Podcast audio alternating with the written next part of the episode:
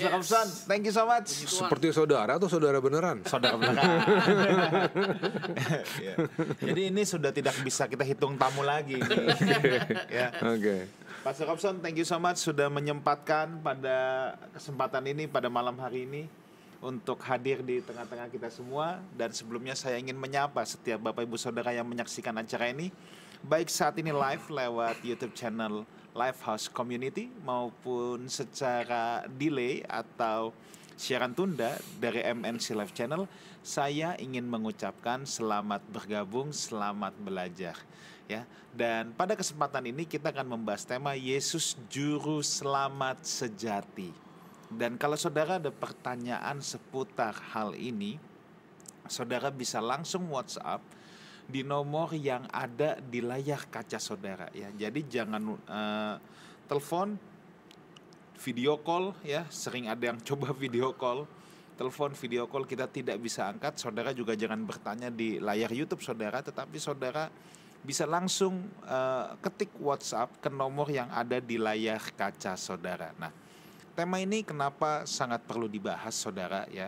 Ada dua alasan ya Alasan yang pertama, banyak orang Kristen mengaku Kristen, tetapi sebenarnya mereka bingung dengan dasar imannya.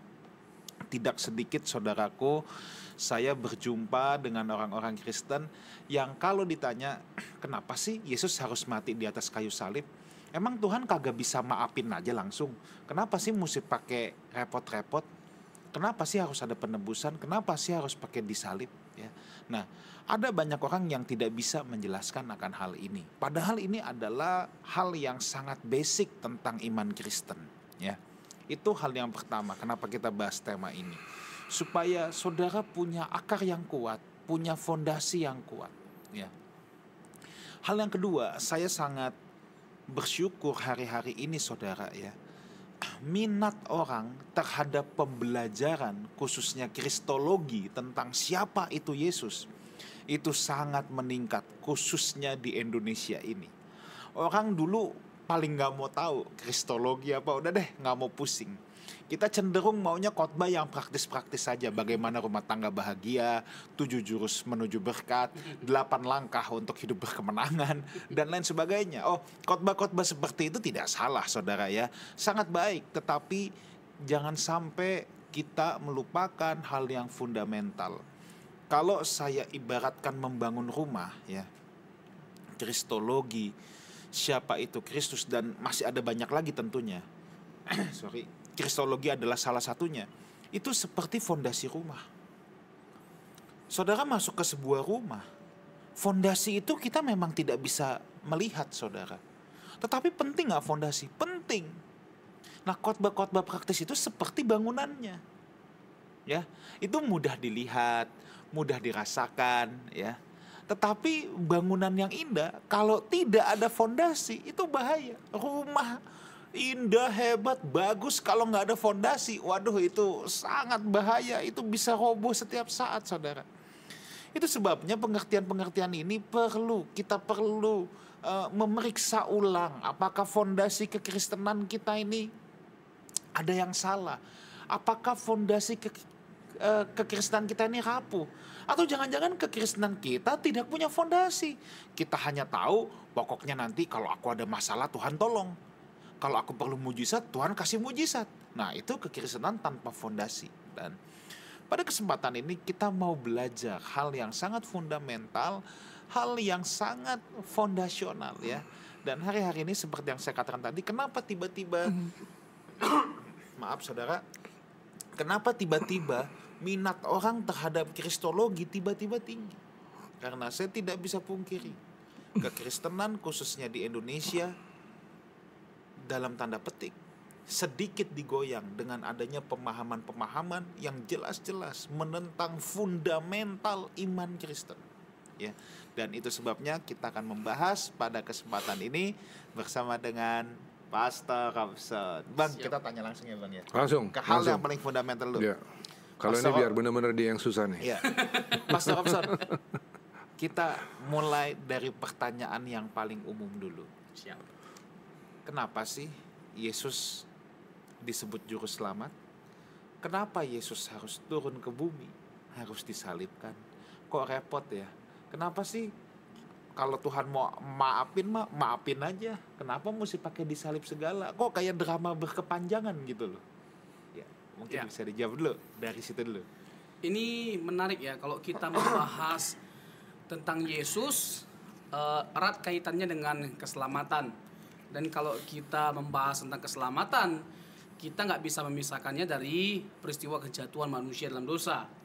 Sebab Yesus tidak perlu menjelma menjadi manusia atau mati di atas kayu salib kalau manusia tidak jatuh ke dalam dosa. Nah, berita tentang hadirnya sosok eh, juru selamat itu dari sejak awal sudah dikumandangkan. Kejadian 3 ayat 15 yang disebut dengan proto evangelium. Oke. Ayat penginjilan yang pertama sekali. Saya bacain dulu ya supaya eh, ini ya. Aku akan mengadakan permusuhan antara engkau dan perempuan ini, antara keturunanmu dan keturunannya. Keturunannya akan meremukkan kepalamu dan engkau akan meremukkan tumitnya. Itu adalah bunyi dari kejadian 3 ayat yang ke-15. Ya. Nah, dari peristiwa kejatuhan itulah kita dapat memetik satu jawaban atau pandangan terkait dengan mengapa kita membutuhkan juru selamat. Mengapa kita membutuhkan penebusan dan keselamatan itu adalah sesuatu yang hanya bisa dikerjakan oleh Allah sendiri. Itu dari Kejadian 3 ayat 15 kita ketahui. Nah, menarik untuk saya eh, jelaskan terlebih dahulu terkait dengan Kejadian 3. Kejadian 3 itu berbicara tentang kisah kejatuhan manusia dalam dosa dan di kejadian 3 di pasal yang sama Tuhan menyatakan janji keselamatan atau pengharapan mesianik. Di kejadian 3 ayat 7 manusia eh, membuat pakaian dari eh, daun daun pohon ara. Manusia pertama kali menyadari dirinya telanjang ketika jatuh dalam dosa lalu membuat pakaian dari eh, daun dari pohon ara. Lalu Tuhan buat pakaian lain. Itu bukan hanya sekedar pakaian tambahan, tapi ada makna di balik dari pakaian yang Tuhan berikan kepada manusia. Dibuat pakaian dari kulit binatang. Artinya apa? Ada yang dikorbankan pada akhirnya karena kejatuhan manusia dalam dosa. Dan semuanya ini merujuk kepada siapa? Merujuk kepada Yesus Kristus. Yohanes 1 ayat 29. Lihatlah anak domba Allah yang menghapus dosa dunia. Kalau dalam perjanjian lama, kita sudah bisa melihat bagaimana cara Allah pada akhirnya untuk menyelamatkan setiap kita dengan menyuruh orang-orang untuk mempersembahkan korban sebagai eh, korban penghapus dosa. Ada beberapa korban yang harus dipersembahkan oleh orang Israel, tetapi ada beberapa korban yang utama yaitu korban eh, penebus dosa atau eh, penebus salah. Nah, semuanya ini adalah gambaran atau bayang-bayang yang merujuk kepada siapa? Yesus Kristus.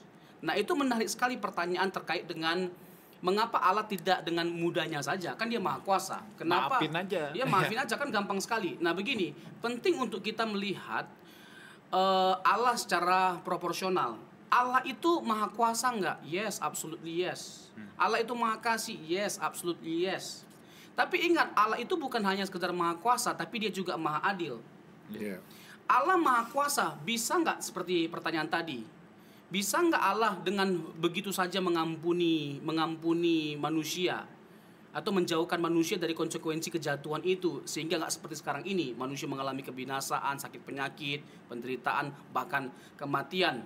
Ya kalau kita hanya melihat Maha Kuasanya saja bisa. Tapi kalau hanya melihat Maha Kuasanya saja lalu tidak melihat sifat-sifat Allah yang lainnya, jadi Allah itu terkesan tidak berintegritas. Padahal Allah itu karakternya sempurna.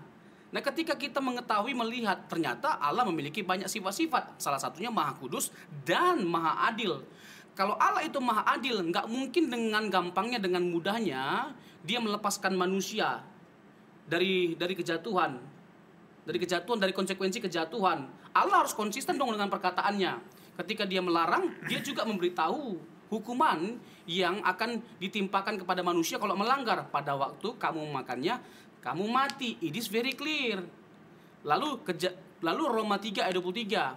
manusia telah jatuh dalam dosa dan telah kehilangan kemuliaan Allah. Lalu Roma 6 ayat 23, upah dosa ialah maut.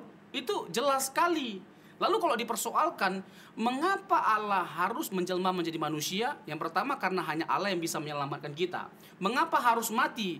Karena konsekuensi dosa adalah maut atau kematian. Nah, Allah itu elegan, Allah itu sempurna karakternya. Sekalipun dia maha kuasa, tapi dia juga maha adil. Dia tunjukkan, dia tegakkan kemahakuasaannya, keadilannya, kasihnya secara sempurna semuanya di atas kayu salib. Allah maha adil, karena dia maha adil dia harus menghukum kesalahan. Allah maha kasih, sehingga dia harus mengampuni kalau ada kesalahan. Pertanyaannya bagaimana dia mengharmonisasikan kedua hal, mengharmonisasikan kedua hal ini? Salib adalah satu-satunya sarana yang dipakai oleh Allah untuk menegakkan kedua hal ini. Di mana barang siapa yang percaya, dia menyatakan kasihnya dengan memberikan pengampunan. Dan barang siapa yang tidak percaya, dia menegakkan keadilannya, dia menghukum. Jadi salib ini bertemu antara kasih dan keadilan Tuhan. Secara sempurna. Yes. Oke, luar biasa sekali. Nah, Siapa jadi dong? saudara ini sudah clear ya kenapa Yesus harus turun sebagai juru selamat. Nah, sekarang siapa sih Yesus itu? Nah, ini pasti ada banyak yang bertanya-tanya ya tentang siapa sih Yesus itu. Pertanyaan ini mungkin perlu saya sambungkan lagi dengan pertanyaan-pertanyaan pagam yang eh, sebelumnya Ya. dan menampakkan apa yang sudah saya jawab terkait dengan eh, bisakah bisa nggak Allah menjelma menjadi manusia? Bisa nggak Allah menjelma menjadi manusia? Begini, Allah itu maha kuasa. Allah mampu melakukan apa pun. Dan dalam perjanjian lama, secara Kristen dalam konteks eh, akademis kita tahu bahwa dalam perjanjian lama ada yang disebut dengan teofani, penampakan diri Allah dalam perjanjian lama dalam berbagai macam bentuk, dalam rupa malaikat, dalam rupa orang, dalam eh, bentuk tiang awan, tiang api, Ya. eh, dalam bentuk burning burst, eh, me- apa semak belukar yang menyala-nyala Iya. dan masih banyak lagi. Ya. Dan itu bisa dilakukan oleh Allah dalam perjanjian lama karena apa? Dia maha kuasa. Kalau kalau kita percaya bahwa hal itu bisa dilakukan oleh, oleh Allah karena dia maha kuasa, lalu pertanyaannya, apa bedanya, apa susahnya untuk kita percaya bahwa Yesus itu bisa menjelma menjadi manusia? Bukankah dia adalah Allah yang menampakkan diri dalam perjanjian lama dalam berbagai macam bentuk yang kita juga sebut sebagai Kristofani? Pertanyaan yang tepat itu bukan apakah bisa Allah menjelma menjadi manusia, tapi mengapa dia menjelma menjadi manusia? Oke. Bukan apakah bisa. Kalau kita percaya dia maha kuasa, ya bisa jawabannya. Kalau kita nggak percaya, berarti kita menyangkali kemahakuasaannya. Mengapa dia menjelma menjadi manusia itu pertanyaan yang tepat. Pertama, karena hanya dia yang bisa menyelamatkan. Yang kedua, karena konsekuensi dari kejatuhan itu adalah kematian. Kalau dia tidak menjelma menjadi manusia, dia tidak bisa mengalami kematian. Dia tidak bisa menanggung dosa manusia. Dia harus menjadi manusia supaya dia bisa menanggung konsekuensi itu. Siapa Yesus? Dengan kita membahas hal yang singkat ini, hal yang sederhana ini. Dia adalah Allah. Kalau dia tidak Allah, maka tidak sah karya keselamatan yang dia kerjakan. Karena hanya Allah yang bisa menyelamatkan. Sekali lagi, kalau dia bukan Allah, tidak sah karya keselamatan yang dia kerjakan. Karena hanya Allah yang bisa menyelamatkan.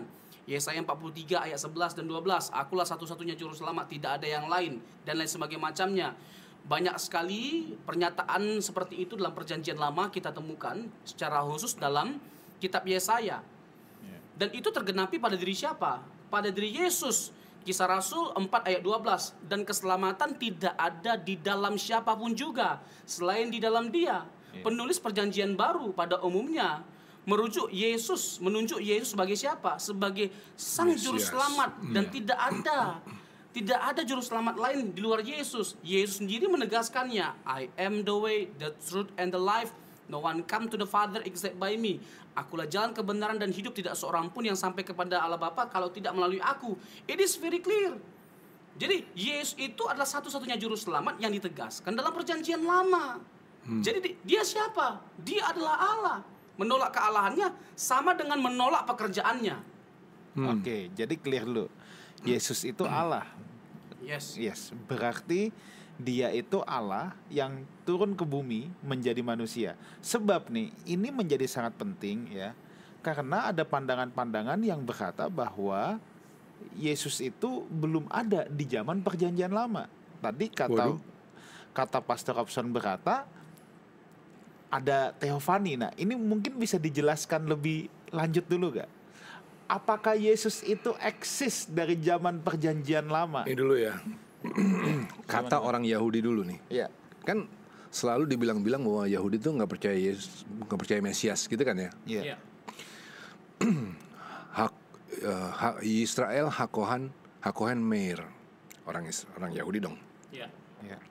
Dia bilang bahwa semenjak sosok sosok Mesias disingkapkan Allah kepada Nabi Nathan, maka sejak itu pemahaman akan Mesias terus-menerus semakin berkembang dan diinterpretasikan ol- ulang oleh para nabi dalam bukunya The Concise Book of Mitzvot halaman 11 penulisnya Yisrael Meir Hakohen. Jadi kalau di- ada orang bilang bahwa Mesias Yesus Allah belum ada di dalam perjanjian lama ya orang Yahudinya aja udah ngomong gitu. Padahal orang Yahudi katanya nggak percaya. Iya. gimana?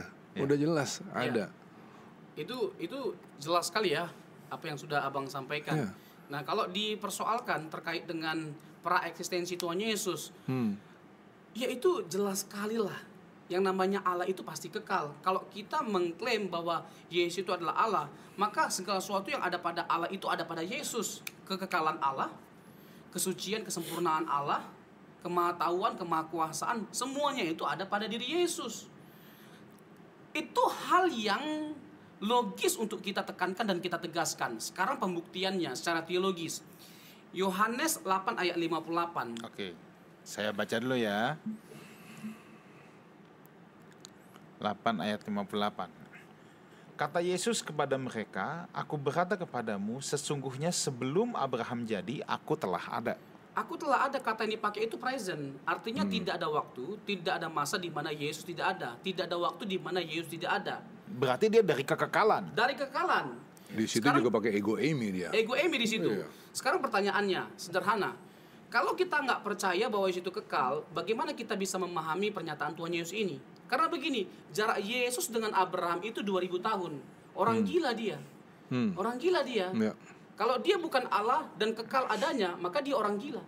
Hmm. Ya, ini kan yang di ayat ke-57 kan. Maka kata orang-orang Yahudi itu kepadanya, "Umurmu belum sampai 50 tahun, Iya. tapi engkau sudah melihat Abraham." Nah, Ya. sekarang begini, pertanyaannya kapan Yesus dilihat oleh Abraham?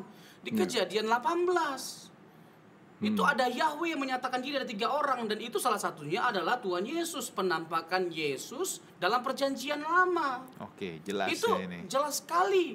Jadi ego Emi dia kekal adanya. Nah, lalu ada lagi nggak ego ayat yang Amy itu apa dulu Nah, mungkin ya, ini dijelasin ego mungkin Amy itu banyak, apa eh, pemirsa bingung ini ego Emi apa? di dalam kalimat ya? apa dia pakai kata ego Amy Ya. Iya. di situ Aku adalah. Pernyataan ego Emi itu adalah pernyataan yang Ciri khas. Iya, ciri khas dari Injil Yohanes. Yes. Dalam mengungkapkan keilihan Tuhan Yesus. Iya. Nah, ada tujuh pernyataan ego Emi dalam Injil Yohanes Iya. seperti eh, akulah jalan kebenaran dan hidup, Iya. akulah kebangkitan dan hidup, akulah roti, Iya. akulah gembala, Aku- akulah Mana terang dunia, dari surga. Iya, dan Iya. sebagainya macamnya. Iya. di dalam perjanjian lama kata akunya ini berkaitan dengan ketika Allah memperkenalkan diri Kepada kepada Musa, Musa, Keluaran 3:14. aku kan ditanya mengenai namamu siapakah namamu apa jawab Allah situ? Asher Eye. Ehye Asher Ehye Dan para pakar itu Ya. mensejajarkan pernyataan Allah dalam konteks itu Iya. dengan pernyataan Yesus E- dalam ego Amy perjanjian baru ego Emi Iya. dalam Injil Memang Yohanes. dalam penerjemahan Septuaginta juga demikian toh. ego Iya, Amy ego Emi. Iya. Nah. Nah, jadi saudara saya eh, coba simpelkan nih ya. Iya. Ego Emi itu adalah ya, itu khas dalam Injil Yohanes ketika Yesus menyatakan dirinya, menyebut dirinya, itu banyak kata yang digunakan, ada tujuh perkataan itu ego Emi. Jadi itu khas. Nah, Iya. ego Emi ini kalau dalam perjanjian lama ya, kalau dalam perjanjian lama ini disejajarkan dengan ehye, asher, ehye itu tadi ya. aku Nah, adalah aku Nah, aku adalah aku. Mm-mm. Itu adalah peristiwa ketika Musa bertanya, "Siapakah engkau?" Iya. Ya, Musa kan mau tahu siapakah namamu gitu. Iya. Nah, Lalu di situ Tuhan menjawab, Yahweh menjawab bahwa aku adalah aku nak. Ya. Ehyeh, Asyir, Ehye itu itu disejajarkan dalam transliterasi Septuaginta juga. Septuaginta adalah eh, kitab perjanjian lama itu yang aslinya dalam bahasa Ibrani diterjemahkan ke dalam bahasa Yunani. Nah, oleh 70 tua-tua ya. Ya. Nah, jadi dalam eh, eh, perjanjian lama bahasa Ibrani ya kata itu juga diterjemahkan sebagai ego emi. Aplikasinya Heeh. dalam budaya Yahudi zaman itu nggak ada manusia yang boleh menyebut dirinya ego emi. Ya. Karena itu sama dengan mengatakan bahwa aku adalah aku. Yang sama dengan menyatakan aku adalah Allah. Ya. Makanya nanti dalam kul- Yohanes 8 ini ketika Tuhan Yesus memperkenalkan dirinya dengan kata ego eimi, kemudian orang-orang pada ngambil batu mau lempar Yesus. Ya. Nah, di sisi lain banyak banyak orang-orang non yang nggak percaya kepada Yesus beragama lain yang sering kali bilang begini, kapan Yesus bilang bahwa dia adalah Allah? Coba tunjukin dalam Alkitab. Di situlah Tuhan Yesus berkata bahwa dia adalah Allah dengan cara yang sangat Yahudi. Ya. Aku adalah Allah. Pola pikir Yahudi itu menarik untuk kita Ya. singgung nanti. Ya. Ini mungkin saya tambahkan lagi dengan eh, argumentasi yang lainnya terkait Ya. dengan praeksistensi pra, praeksistensi Tuhan Yesus. Hmm. Tapi sebelum ke situ nanti ada Yohanes 17 ayat 5 Hmm. eh, yang menjelaskan praeksistensi Tuhan Yesus. Saya mungkin tambahkan terkait dengan ego emi. Jadi keilahian Tuhan Yesus itu melalui pernyataan ego emi yang juga ditegaskan lewat konteksnya. Ya. Jadi eh, Yohanes itu menjelaskan keilahian Tuhan Yesus dengan pernyataan ego emi dalam konteks-konteks tertentu. Misalnya ketika dia melakukan mujizat. Dalam konteks Yohanes kita tahu bahwa mujizat itu adalah tanda semeion. Ya. Jadi Tuhan Yesus itu menunjukkan semeion tanda untuk mereka bisa membaca bahwa dia adalah Mesias. Ya. Dialah yang dinubuatkan dalam perjanjian lama. Perjanjian lama semuanya itu berbicara tentang dia. Ya. Misalnya nih ya, ketika Yesus uh, menyembuhkan orang yang buta dari sejak lahir. Lalu Yesus mengklaim dirinya sebagai apa?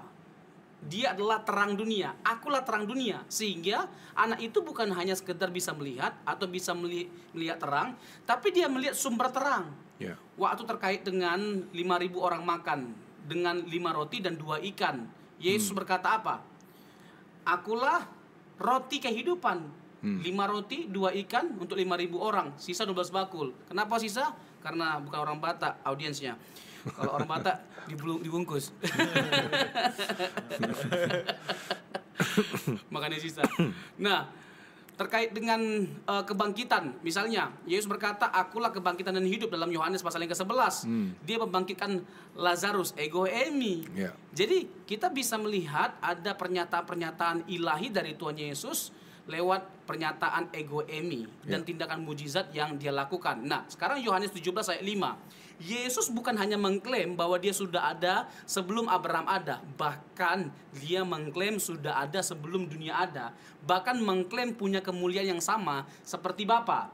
Yohanes 17 ayat 5. Father glorify me with the glory I had before the world was created. Ya kan agak-agak bahasa Inggris sedikit. Oleh sebab itu ya tahu. Bapa permuliakanlah aku padamu sendiri dengan kemuliaan yang kumiliki di hadiratmu sebelum dunia ada. Ya. Jadi dia bukan hanya sekedar sudah ada sebelum Abraham ada, bahkan sebelum dunia ada, bahkan mengklaim bahwa dia punya kemuliaan yang sama seperti yang dimiliki oleh Bapa. Dalam konteks teologi perjanjian lama, Allah tidak berbagian kemuliaan dengan siapa pun. Hmm. Jadi Yesus menghujat Allah kalau dia bukan Allah. Hmm. Oke. Dia nggak bisa mengklaim bahwa dia punya kemuliaan sama seperti Bapa dalam hadiratnya. Tapi karena dia Allah lah, sehingga itu kita pandang kita pandang sebagai sebuah kewajaran karena dia adalah Allah. Misalnya pernyataan ini kan sering diperdebatkan. Yesus itu uh, tidak setara dengan Bapa karena dikatakan dia duduk di sebelah kanan Allah. Begini Ferguson, pernyataan duduk sebelah kanan itu harus dipahami dalam konteksnya. Duduk di sebelah kanan itu jangan dipahami secara hurufiah. Kalau secara hurufiah literal, siapa di sebelah kirinya duduk, Pak? Di belakangnya siapa, Pak? Depan siapa? Jadi duduk di sebelah kanan itu berbicara tentang kekuasaan. Artinya bahwa Yesus itu memiliki kesetaraan dengan Bapa, punya kekuasaan yang sama, kemuliaan yang sama, hakikat yang sama, sifat-sifat yang sama, setara di sebelah kanan Bapa. Hal itu pertama menunjukkan bahwa dia adalah pribadi yang berbeda dengan Bapa. Yang kedua, dia memiliki kekuasaan yang sama, kemuliaan yang sama, sifat-sifat yang sama, kedudukan yang sama dengan Bapa. Begitu, Bang. Oke. Nah, Oke. sekarang gini, saya mau tanya. Banyak orang yang tidak percaya bahwa Yesus itu adalah Allah anak. Ya. Dengan argumen satu kata, mana ada ayat yang ditulis Allah anak? Dua, ada yang mencibir kekristenan dengan berkata, masa Allah punya anak? ya. Nah, ini coba mungkin Pastor Robson bisa menjelaskan kenapa dia dikatakan sebagai Allah anak. Ya. Ini tentunya menarik ya untuk kita eh, bahas dan bagi saya itu sesuatu yang tidak sukar untuk dijawab. Pernyataan anak Allah itu sama dengan menekankan keilahian Tuhan Yesus. Pernyataan anak manusia itu sama dengan menekankan kemanusiaannya. Yesus itu adalah anak Allah tujuannya untuk menunjukkan bahwa Yesus itu pribadi yang berbeda dengan Bapa. Bukan dia jadi tidak Allah. Ya. Nah, maksudnya dibedakan dia dengan Bapa bahwa dia adalah anak, pribadi pertama itu adalah Bapa. Saya jawab dengan Markus 14 ayat 61 dan 62. Oke, saya akan bacakan. Markus 14 61 62. ayat 61 ya. Tetapi ia tetap diam dan tidak menjawab apa-apa. Imam besar itu bertanya kepadanya sekali lagi katanya, "Apakah engkau Mesias, anak dari yang terpuji?" Jawab Yesus, "Akulah dia." Dan kamu akan melihat anak manusia duduk di sebelah kanan yang maha kuasa dan datang di tengah-tengah awan-awan di langit. Ini sederhana sekali. Ayat ini menurut saya sudah cukup untuk kita bisa membuktikan keilahian Tuhan Yesus. Tidak bisa tidak. Kesimpulannya pada akhirnya hanya tiga. Dia adalah nabi, atau dia orang gila yang ngaku-ngaku Tuhan, atau dia memang adalah Tuhan. Pernyataan ini mengarahkan kita pada tiga kesimpulan. Kalau nabi tidak mungkin, karena tidak ada nabi yang mengklaim bahwa dia adalah Allah, meskipun itu melalui tindakan otoritasnya. Misalnya dengan mengklaim bahwa dia adalah jalan kebenaran dan hidup. Misalnya dia adalah Tuhan atas hari Sabat, Matius pasal ke-12 ayat 6 misalnya. Lalu eh, dia eh, ber- mengklaim bahwa dia berhak untuk mengampuni dosa. Tidak ada nabi yang berkata demikian. Yang kedua, kita nggak menghargai, kita menghina dia kalau kita mengatakan dia orang gila. Tapi ya itulah kalau kita nggak konsekuensinya. Kalau kita nggak menerima, nggak percaya dia Allah, ya kita sedang menganggap dia sebagai orang gila yang ngaku-ngaku Tuhan. Pernyataan ini akan mengarahkan kita pada tiga kesimpulan itu. 62 ayat 62 jawab Yesus akulah dia engkau Mesias anak dari yang terpuji. Apakah engkau Mesias anak dari yang terpuji? Anak Allah maksudnya? Jawab Yesus akulah, Akulah dia. dia. jadi Yesus yang pertama ini ada empat pernyataan yang perlu kita eh, elaborasi atau tegaskan. Yesus mengklaim bahwa dia adalah Mesias anak Allah dari yang terpuji. Dan kamu akan melihat anak manusia. Kata anak manusia itu ada hubungannya dengan Daniel 7 ayat 13 Ya. Daniel 7 ayat 13 terkait eh, pernyataan keilahian dari sang anak manusia. Bagaimana yang lanjut usia bersama dengan anak manusia. Ya. Lanjut usia itu adalah Bapa, anak manusia itu adalah Yesus Kristus. Jadi bahkan pernyataan anak manusia juga menunjuk keilahian Tuhan Yesus. Di sana Ya. ditegaskan bahwa dia punya kekuasaan dan kekuasaan yang dimiliki oleh anak manusia itu kekal adanya. Jadi pernyataan anak manusia itu pernyataan dari keilahiannya, bukti dari keilahiannya. Lalu dikatakan duduk di sebelah kanan yang maha kuasa. Tadi sudah saya tegaskan, itu yang ketiga. Bahwa dia memiliki kekuasaan yang sama, kemuliaan yang sama, kedudukan yang sama dengan Bapa. Yang keempat, yang terakhir, datang di tengah-tengah awan-awan di langit. Ini Ya. menunjukkan dia sebagai apa? Sebagai hakim. Ya. Kalau Yesus bukan Allah, tidak hak, tidak berhak dia menjadi hakim, tidak bisa dia menjadi hakim. Karena apa? Karena salah satu kualifikasi yang harus dimiliki oleh Yesus sebagai hakim maha tahu. Ka- Kalau dia menjadi hakim, dia harus menghakimi semua manusia dan dia bukan hanya sekedar menghakimi apa yang kelihatan, tapi juga yang tidak kelihatan batinia. Nah, bagaimana mungkin dia hakim tapi tidak Allah? Gak mungkin dia bisa menghakimi setiap kita.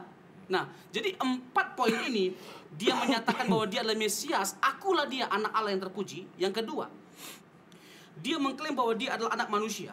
Yang ketiga, dia akan duduk di sebelah kanan Allah yang Maha Kuasa. Yang keempat, dia akan datang di tengah-tengah awan-awan di langit. Itu jelas. Nah, Ya. saya tambahkan lagi terkait dengan pernyataan keilahiannya bahwa dia adalah anak Allah yang Maha Tinggi. Matius pasal yang ke-8 di Gadara ada orang-orang yang kerasukan. Lalu ketakutan jahat itu, apa urusanmu anak Allah yang maha tinggi? Pengakuan akan keilahian Tuhan Yesus bukan hanya datang dari manusia, bukan hanya datang dari dari para malaikat, tapi juga dari roh jahat, dari Bapa juga nanti ada. Nanti kita singgung terkait dengan apakah Bapa pernah menyebut Yesus sebagai Allah. Itu itu menarik untuk kita buktikan. Karena ada yang eh, beranggapan bahwa Yesus bukan Allah karena menyebut bapaknya sebagai Allahnya. Yohanes 10 ayat 17 dengan demikian Yesus bukan Allah. Itu menarik untuk kita singgung nanti tapi menarik untuk kita tegaskan bahwa ternyata roh-roh jahat itu pun mengakui bahwa Yesus itu adalah anak Allah. Kenapa demikian? Karena roh-roh jahat itu adalah malaikat-malaikat yang melayani Yesus sebelum jatuh. Mereka kenal siapa Yesus. Nah, coba tiba-tiba ada ujuk-ujuk orang yang mencoba untuk menyangkali keilahian Tuhan Yesus. Setan aja pak percaya. Oke baik. Nah jadi sekarang kita pertegas ya. Yesus itu Allah. Yesus itu adalah Yahweh dalam perjanjian lama ya. Yahweh. Kalau yang tadi kita sudah katakan. ya. Nah sekarang pertanyaannya tuh gini. Ketika Yesus turun ke bumi, apakah dia berhenti menjadi Allah? Karena ada yang bilang dulu Yesus belum Tuhan. Lu berhenti jadi Tuhan. Iya, nah, jadi ini kita kita harus clear supaya kita punya fondasi iman Kristen yang clear. Itu tapi di situ ada kata anak manusia dulu loh. Anak manusia itu juga nunjukin kualitas Yesus sebagai Mesias yang ilahi. yes. Yes. Anak manusia kalau di zaman itu, jadi ada penelitian ya yang dibuat sama Matthias Henze. Matthias Henze ini bikin penelitian dengan judul um, uh, Mind the Gap.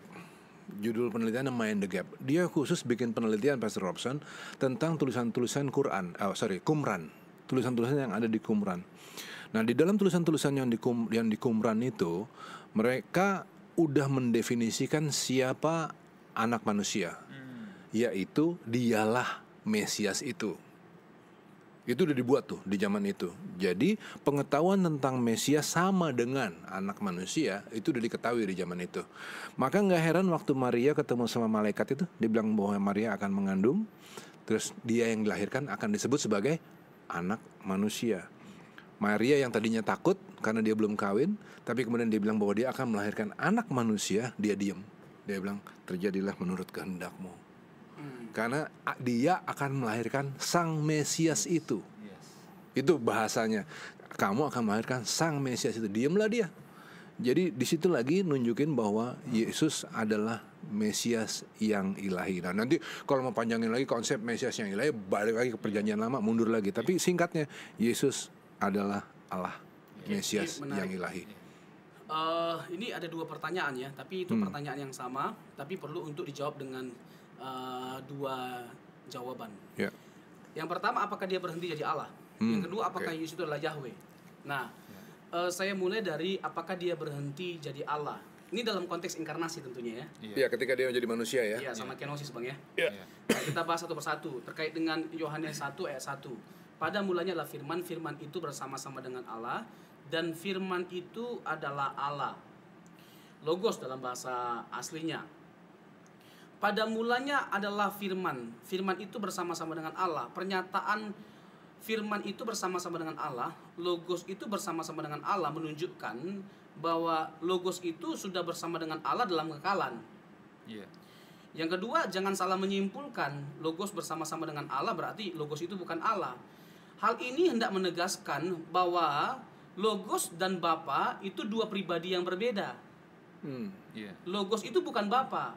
Karena begini dalam bahasa asli, saksi Yehova meyakini bahwa Yesus itu tidak setara dengan Bapa atau Allah kecil. Karena untuk Yesus itu tidak nggak pakai artikel, nggak hoteos, nggak pakai ho di situ. Nah, ini eh, sesuatu yang keliru.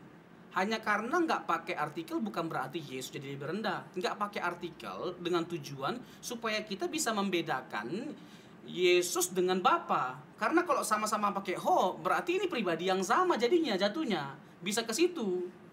Gitu loh. Nah, yang kedua, kalau disimpulkan bahwa Bapa lebih besar daripada anak, anak jadi lebih kecil nggak karena nggak pakai artikel. Bagaimana dengan ayat 18? Kata kata untuk Bapak di situ nggak pakai ton, ton teon. Untuk Bapak nggak pakai artikel. Nah, apakah Bapak jadi lebih rendah juga? Kan jadi aneh. Jadi nggak ada hubungannya Yesus jadi lebih rendah daripada Bapak atau jadi nggak Allah hanya karena nggak pakai artikel. Nah, sekarang pertanyaannya sederhana, ada nggak untuk Yesus pakai artikel? Ada dong. Dalam Yohanes misalnya, ini juga bukti dari keilahiannya, kealahannya. Thomas tidak percaya, Yohanes 20 ayat 28. Thomas nggak percaya bahwa Yesus itu bangkit dari kematian kalau dia belum melihat. Sekali-kali aku nggak percaya kalau aku tidak melihat dia. Lalu Yesus menampakkan diri kepada Thomas. Lalu apa kata Thomas kepada Yesus yang menampakkan diri? Hokriusmu kai hotheosmu ayat 28 dari pasal 20 ya Tuhanku ya Allahku. Itu pakai artikel. Bukan hanya dia mengklaim bahwa Yesus itu adalah Tuhan dan Allah tapi dia menegaskan itu dengan menggunakan artikel. Hokriosmu kai hotheosmu. Itu jelas. Dan karena Yesus itu adalah Allah dia tidak menolak pengakuan itu. Dia tidak menolak penyembahan itu. Pertanyaannya sederhana ada nggak yang pernah disembah sebagai Allah tapi menolak ada Misalnya di kisah Rasul 13 Ikonium sama Derbe, Paulus dan Barnabas disembah sebagai Tuhan. Satu sebagai Hermes, satu sebagai Zeus. Hermes bukan tas, dewa. Ibu-ibu langsung, oh apa Hermes? Berarti Alkitabiah. dewa, dewa. Nah karena mereka bukan Allah, mereka menolak pengakuan itu. Yeah. Lalu Petrus pernah disembah di kisah Rasul pasal yang ke-10 dia menolak pengakuan itu, penyembahan itu. Lalu ada malaikat di kitab Wahyu disembah oleh Yohanes menolak juga penyembahan itu. Jangan, aku sama-sama kamu, sama-sama hamba. Tapi ada satu pribadi yang diakui, disembah sebagai Allah, tapi tidak menolak. Siapa itu? Yesus. Ketika dia ya menampakkan diri kepada Thomas, Thomas langsung menyembah dia. Hokriusmu kayak hoteosmu. Kalau dia bukan Allah dia harus menolak. Tapi karena dia Allah lah makanya dia tidak menolak. Itu bukti-bukti dari keilahiannya. Saya tambahkan satu satu uh, argumentasi yang menunjukkan bahwa dia tidak berhenti jadi Allah pada waktu dia berinkarnasi. Kealahannya tetap melekat pada dirinya. Yeah. Kalau dia bukan Allah, dia tidak berhak untuk mengampuni dosa. Yeah. Markus pasal 2 ayat 7 sampai 10. Yeah ada orang lumpuh. Di yeah. situ dia menegaskan uh, keilahiannya secara tidak langsung hmm. dengan dia uh, mengklaim bahwa anak manusia berhak untuk mengampuni dosa. Yeah. Di ayat 9 dan 10, anak yeah. manusia itu berkuasa untuk mengampuni dosa. Marah orang Yahudi. Kenapa? Bagaimana mungkin kamu uh, manusia lalu bisa melakukan pekerjaan Allah, mengampuni dosa? Itu pekerjaan Allah. Yeah. Jadi lagi-lagi Yesus menghina Allah kalau dia bukan Allah. Yeah. Karena hanya Allah yang bisa mengampuni dosa. Lalu kalau hanya sekedar mengklaim bahwa aku berhak untuk mengampuni dosa semua orang bisa bisa bisa bisa mengklaim. Tapi Yesus unik. Dia buktikan bahwa klaimnya itu benar bahwa dia berkuasa untuk mengampuni dosa dengan dia menyembuhkan orang lumpuh itu. Mujizat kesembuhan yang dialami oleh orang lumpuh itu memverifikasi membuktikan kebenaran bahwa dia berkuasa untuk mengampuni dosa. Terakhir-terakhir Matius 12 ayat 6 bahwa Yesus mengklaim bahwa dia itu di di pasal itu dia lebih besar daripada bait suci Allah. Nanti bisa ditambahkan oleh Bang Ruli terkait dengan ini. Lalu dia berkata bahwa dia adalah tuan atas hari sahabat. Yeah. Dalam konteks PL tidak ada yang lebih besar daripada bait suci Allah selain Allah, selain Yahweh. Yeah. Tidak ada yang berani mengklaim selain Allah sebagai Tuhan atas hari sahabat. Nah kalau Yesus mengklaim hal itu siapa dia? Mungkinkah dia hanya sekedar manusia biasa pada waktu dia berinkarnasi? Apakah hilang keilahiannya waktu dia berinkarnasi? Semuanya itu dia ungkapkan pada waktu dia apa? Berinkarnasi. Nah, kalau orang menolak Yesus tetap Allah pada waktu dia berinkarnasi, dia harus merekonstruksi Alkitab atau dengan kata lain, buat Alkitab sendiri. Buang semua ayat-ayat yang membuktikan keilahian Tuhan Yesus dalam kemanusiaannya. Iya. Kayak tadi bahwa aku sudah ada sebelum Abraham ada. Iya. Itu bagaimana? Nah, akhirnya kita ini jadi apa? Jadi jadi orang yang nggak jujur dengan Alkitab atau akhirnya mencoba untuk memberikan arti baru atau makna baru dari setiap ayat-ayat yang kita pakai untuk membuktikan keilahian Tuhan Yesus yang tadi, yang nyata-nyata, yang nyata-nyata ada pada Yesus sekalipun dia adalah manusia, begitu Iya. Pak. Itu terkait dengan Saya jadi penasaran sama ini deh. Dari tadi kan kita banyak ngomong di kitab Yohanes ya. Yohanes. Sedangkan kitab Yohanes dari mulai ayat pertama sampai panjang ke belakang itu ya. Semuanya menjabarkan bahwa memang Yesus adalah Allah. Penasaran nih saya nih, Pastor Robson. Bukan. Apakah apa sih sebetulnya maksud penulisan kitab Yohanes? Oke, menarik nih bang. Sedap. Itu Karena dulu. banyak bicara tentang Bicara. Yesus tentang Allah kan? Oke, untung abang tanya ini. Iya. Hampir lupa tadi saya jelaskan. Jadi ada empat Injil. Iya. Ada Injil Sinoptik dan ada Injil Yohanes. Hmm. Injil Yohanes ini dibedakan dari ketiga Injil Sinoptik itu. Matius, Markus, Lukas. Matius, Matius, Markus, Lukas. Hmm. Nah, keempat Injil ini memberikan potret yang berbeda-beda terhadap Yesus. Yes. Tapi berbeda bukan bertentangan, tapi saling melengkapi satu dengan Ya. yang lainnya. Matius menggambarkan Yesus sebagai raja. Yes. Menariknya begini, Bang. Eh, ada dua Injil yang mencatat silsilah Tuhan Yesus, Matius dan Lukas. Pertanyaannya kenapa Markus dan Yohanes tidak? Nah, sambil menjelaskan itu, sambil menjawab ini juga. Nah, Matius menekankan Yesus sebagai raja. Kalau benar dia adalah raja, harus jelas garis keturunannya. Makanya dia ditekankan adalah anak Daud. Ya. Yang kedua, Markus menekankan Yesus sebagai apa? Sebagai hamba. Namanya hamba kita nggak perlu tahu latar belakangnya, backgroundnya, nggak dipedulikan pun, nggak perlu kita cari tahu. Karena hamba. Yang ketiga, Injil Lukas menekankan Yesus sebagai siapa? Manusia. Kalau dia manusia harus jelas garis keturunannya. Sebagai apa dia? Sebagai anak anak Adam ditekankan bahwa dia adalah anak Adam. Nah, Markus tidak menjelaskan silsilahnya karena menekankan Yesus sebagai hamba. Yohanes juga tidak menekankan silsilah Tuhan Yesus karena Yohanes menekankan Yesus menggambarkan Yesus sebagai apa? Sebagai Allah. Allah. Sehingga nggak ada silsilahnya. Jadi- Namanya Allah nggak ada silsilahnya. Jadi tujuan Yohanes menulis waktu itu adalah memang untuk membuktikan kealahan. Tuhan Ya, Yesus. Oke. Kenapa perlu ditulis pada saat itu oleh Yohanes tentang kealahan Yesus? Ada masalah apa rupanya hari itu? Oke, ini menarik karena begini bang. Jadi ada paham-paham yang menyimpang, rupa-rupa seperti gnostisisme atau doketisme dari kata dokeo, kelihatannya nampaknya, yang menyangkali Yesus adalah logos yang menjelma menjadi manusia. Hmm. Jadi Yohanes itu hadir untuk menangkis ajaran-ajaran bidat, ajaran-ajaran yang menyimpang. Jadi Oke. dari sejak zaman rasul-rasul itu sudah bertebaran ajaran-ajaran bidat. Bukan hanya hari ini saja, dari sejak awal dan dari sejak awal mereka sudah dengan serius menangkis semua ajaran bidat itu. Faktanya mereka khusus menulis surat untuk menangkis semua ajaran itu. Nah, sebagaimana mereka memiliki semangat juang yang luar biasa untuk melawan ajaran-ajaran bidat, kita juga harus sama. Oke. Karena nggak bisa ajaran sesat itu diperindah dengan alasan apa pun, misalnya as- alasan moral, alasan etika, sebaik apa pun kita, nggak bisa ajaran sesat itu jadi dibenarkan Iya. hanya karena alasan moral. Iya. Matius 18 ayat 7. Penyesatan itu harus ada, Oke. tapi celakalah yang mengadakannya. Jadi orang yang mengadakannya itu celaka. Oke, jadi maksud penulisan kitab Yohanes justru adalah untuk membuktikan keilahian Yesus. Itu udah jelas. Jelas sekali. Kenapa ditulis? Jelas-jelas karena waktu itu memang ada pihak-pihak yang berusaha untuk me- untuk tidak mengaku Yesus sebagai Allah. Ya. Iya. Sehingga kalau hari ini orang berusaha untuk bilang bahwa Yesus bukan Allah, ya hapus saja Yohanes. Jelas sekali Jelas itu. kan? Oke, nah, Aku ta- boleh aku tambahkan dikit ya? ya, gini oke. gini gini. Kalau Matius diawali dengan silsilah, itu kan untuk menunjukkan kemanusiaannya. Hmm. Tetapi Injil Yohanes langsung datang pada mulanya adalah firman. Iya, Langsung, dia langsung. iya, langsung dikasih tahu asal usul Yesus. itu Ditulis kok juga di situ bahwa maksud penulisan ini adalah Iya. Ya. Nah, untuk nah, membuktikan. masalahnya kalau sekarang dikatakan logos itu bukan Yesus. Nah, Oke, ta- lanjut dulu, tambahin dulu, tambahin dulu. Nanti gua ada pertanyaan. Lanjut dulu. Tadi Oh, mau tambahin apa? Oke, oke. Terkait dengan, eh aduh pernyataan abang terakhir tadi. Eh, dihapus aja Yohanes. Oh, iya. Seluruh kitab Yohanes hapus. Menarik nih, Bang. Hmm. Injil Yohanes itu bukan hanya sekedar Injil yang membuktikan ketuhanan Yesus, Hmm. tapi Injil yang membuktikan keteritunggalan Allah karena Bapa mengutus anak, anak mengutus Roh Kudus. Hmm. Oke. Kalau kita nggak percaya Injil Trinitarian, kalau kita nggak percaya doktrin Tritunggal, kita harus buang Injil Yohanes.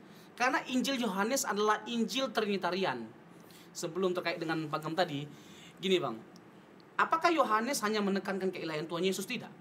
Dia Oke. juga menekankan kemanusiaan Yesus. Oke. Jadi Yohanes itu adalah pri- pribadi yang menekankan, menggambarkan, menjelaskan pribadi Yesus secara komplit satu pribadi dengan dua natur.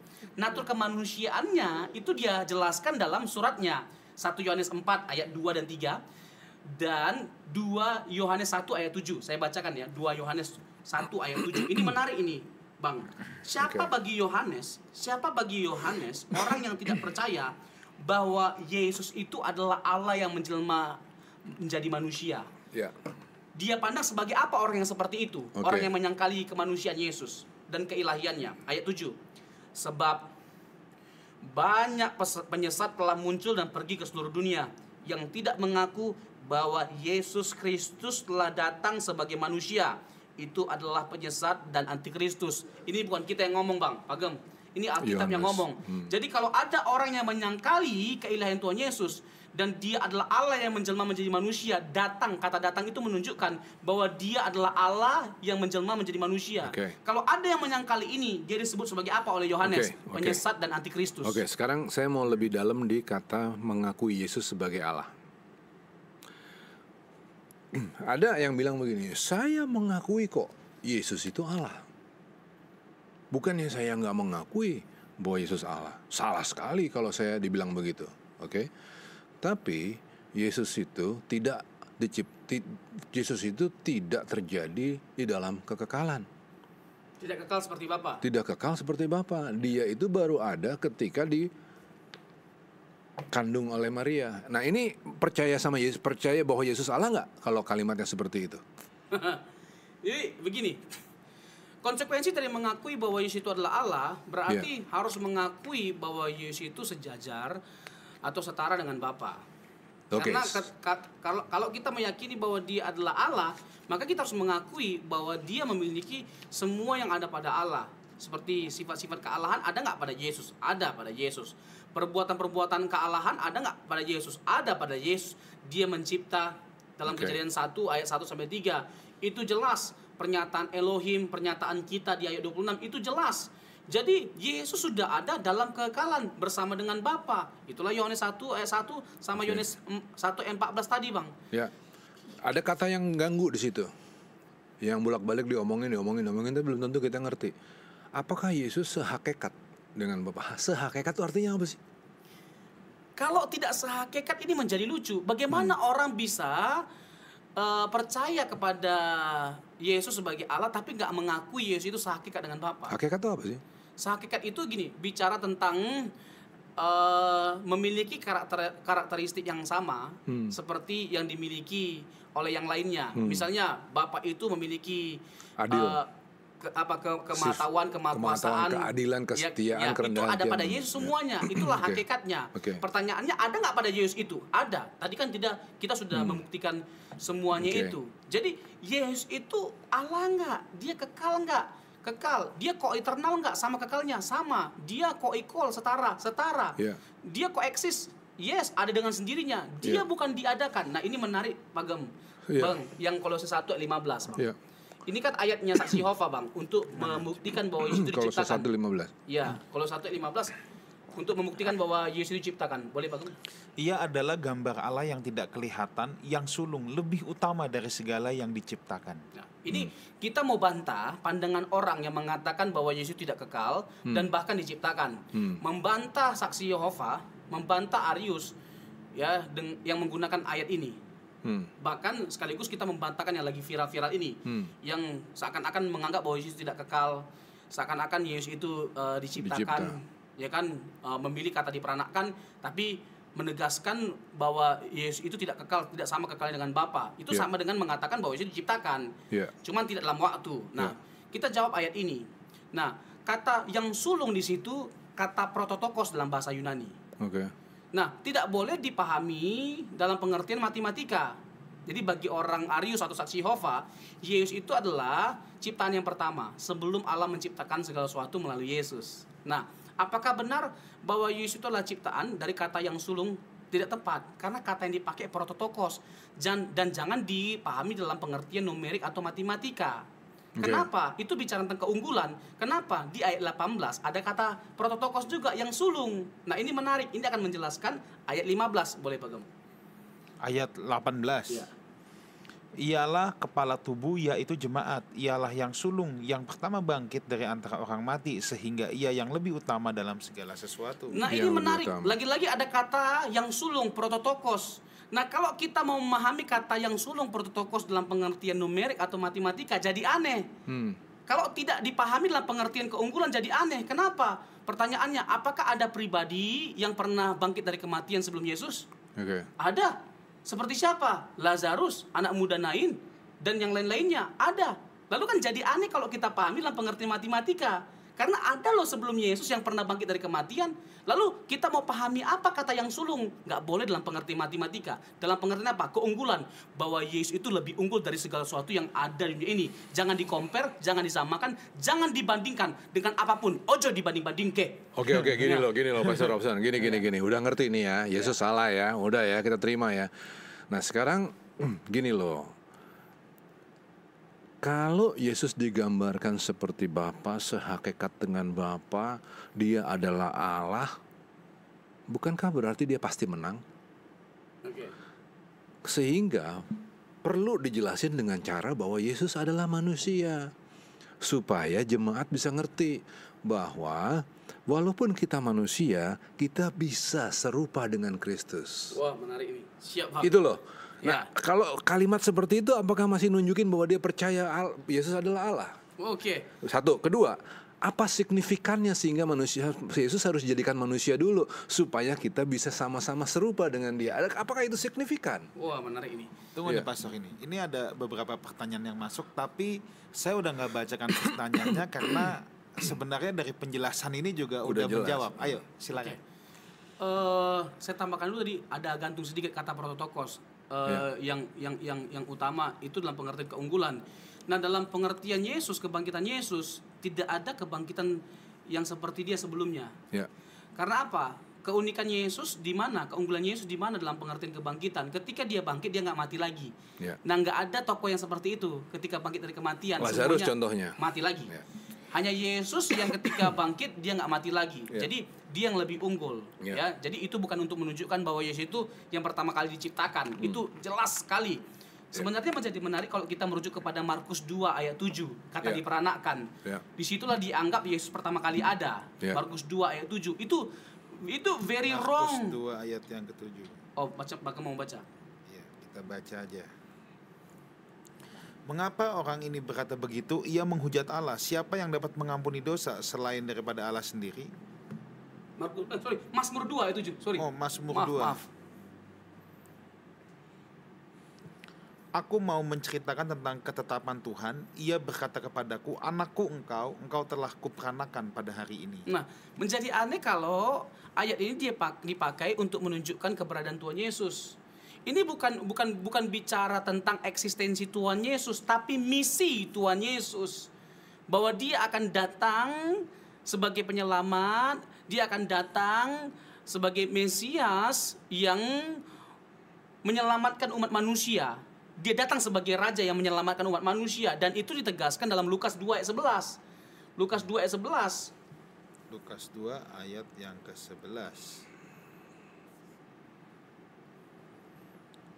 Injil Lukas ayat 2. Jadi itu bicara tentang tentang misi bukan eksistensi. Hari ini telah lahir bagimu juru selamat yaitu Kristus Tuhan di kota Daud. Nah, kalau kita pahami Mazmur 2 ayat 7, ayat 7 itu sebagai awal di mana Yesus ada. Ketika dia diperanakkan di situlah dia ada. Bagaimana kita menjawab bahwa dia sudah ada dalam penciptaan, dalam bekalan. Dia sudah ada bersama dengan Bapa dan ikut serta dalam menciptakan segala sesuatu. Kan aneh. Jadinya kalau kita memahami itu bicara tentang eh, eksistensi Tuhan Yesus, tapi itu adalah misi dari Tuhan Yesus. Nah, masuk dari ke pertanyaan Bang Ruli apa tadi Bang? Sorry Bang. Pertama tadi kan Teladan. eh, begini, kalau kalau Yesus digambarkan dia adalah Allah, berarti dia nggak mungkin kalah dong. Dia Allah, dia super jagoan. Bagaimana Jadi, kita bisa mengikuti itu? Bagaimana kita bisa ikuti teladan dia sehingga Makanya dia harus harus diturunin derajatnya doang. menjadi manusia, manusia doang gitu. Ini ini sekarang pertanyaannya kita lebih mengagungkan hal apanya ini? Nah, jadi pertanyaannya adalah pertanyaannya adalah apakah ketika orang menurunkan apa gini deh, apa sih signifikansinya sehingga pengajaran tentang Yesus sebagai Allah itu harus diturunin jadi seolah-olah dia hanya manusia gitu loh. Hmm. Atau apa yang kita bisa petik ya implikasinya gitu, kalau ah. hanya menekankan keilahiannya. Iya. Kalau dia betul-betul adalah Allah waktu dia menjelma menjadi manusia, apakah kita bisa mengikuti teladan dia Apa bisa akhirnya? misalnya gitu deh ya, bisa nggak kita ngikuti Ya. teladan dia? Ini menarik. Pertama-tama kita harus menegaskan bahwa dia tidak pernah berhenti jadi Allah. Itu dulu, Bang. Iya. Kalau kita menolak keilahiannya, bahkan ketika dia menjelma menjadi manusia, kalau dia to kita tolak, kita akan binasa. Ada nggak ayat yang mengatakan kalau kita menolak keilahiannya, kita akan binasa? Oh jelas, Yohanes 8 ayat 24. Yohanes 8 ayat 24. Kalau kamu tidak percaya akulah dia, kamu akan mati dalam dosa dosamu. Kalau Oke. kamu tidak percaya akulah dia, kamu akan mati dalam dosa-dosamu. Ini menunjukkan apa? Bahwa Yesus itu adalah Allah. Kalau dia tidak Allah, kita menyangkalinya nggak perlu kita mati atau binasa. Ya. Tapi karena dia Allah lah, kalau kita menyangkal dia, menolak dia, kita pasti Oke. binasa. Oke, tapi argumentasinya orang-orang ini, dia bilang begini, kalau Yesus diperkenalkan sebagai Allah yang seperti itu, dia udah pasti menang. Dicobai di bukit dia pasti menang. Di salib dia pasti bangkit lagi. Nah, kalau kita melihat Yesus jauh tinggi di sana sebagai Allah, bagaimana kita mau relate kepada Yesus? Bagaimana kita diharap menjadi seperti Yesus, menang dalam segala perkara? Itu dia masalahnya. Ini, ini pertanyaan yang bagus Itu banget. dia. Justru di situlah letak kekaguman kita dengan Tuhan Yesus. Sekalipun dia Allah, dia tidak pernah menggunakan keilahiannya dalam menyelesaikan masalah-masalah kemanusiaannya. Yes. Dia dalam kemanusiaannya dia berjuang. Yes. Dia pernah berkata, Yes. "Sangkamu aku tidak bisa memanggil bala tentara malaikat." Dia 12 bisa. pasukan malaikat Pasukan malaikat dia aku. bisa. Bisa. Tapi dia menyelesaikan semuanya itu dengan apa? Dengan keadaan kemanusiaannya yang Yes. mengosongkan dirinya. itu Coba very clear. rubah batu jadi roti. Bisa dia. Jangankan mengubah batu jadi roti, mengubah setan jadi lapet pun bisa, Pak. Iya. Tapi dia nggak pernah pakai kuasa itu untuk Dia nggak kepentingan mengubah dia. dia. Ya. Justru di situlah letak kekaguman kita. Ya. Di poin mana kita mengikuti Tuhan Yesus? Di poin penguasaan dirinya. Dia menguasai dirinya. Waktu di kayu salib berulang kali dia dicobai. Lalu ada imam. Ini adalah upaya terakhir dari setan. Dia pakai imam Allah orang lain dia selamatkan. Diri sendiri tidak. Cobalah turun dari salib. Ya, Ya. kan turun salib baru kami percaya. Ini upaya setan Ya. untuk menggagalkan karya penebusan Tuhan Yesus. Dia menguasai dirinya sampai selesai. Coba saya, ini kan menjengkelkan. Coba saya Tuhan Yesus, ya kan saya turun, saya tampar, pak, terus saya naik lagi ke atas. Iya.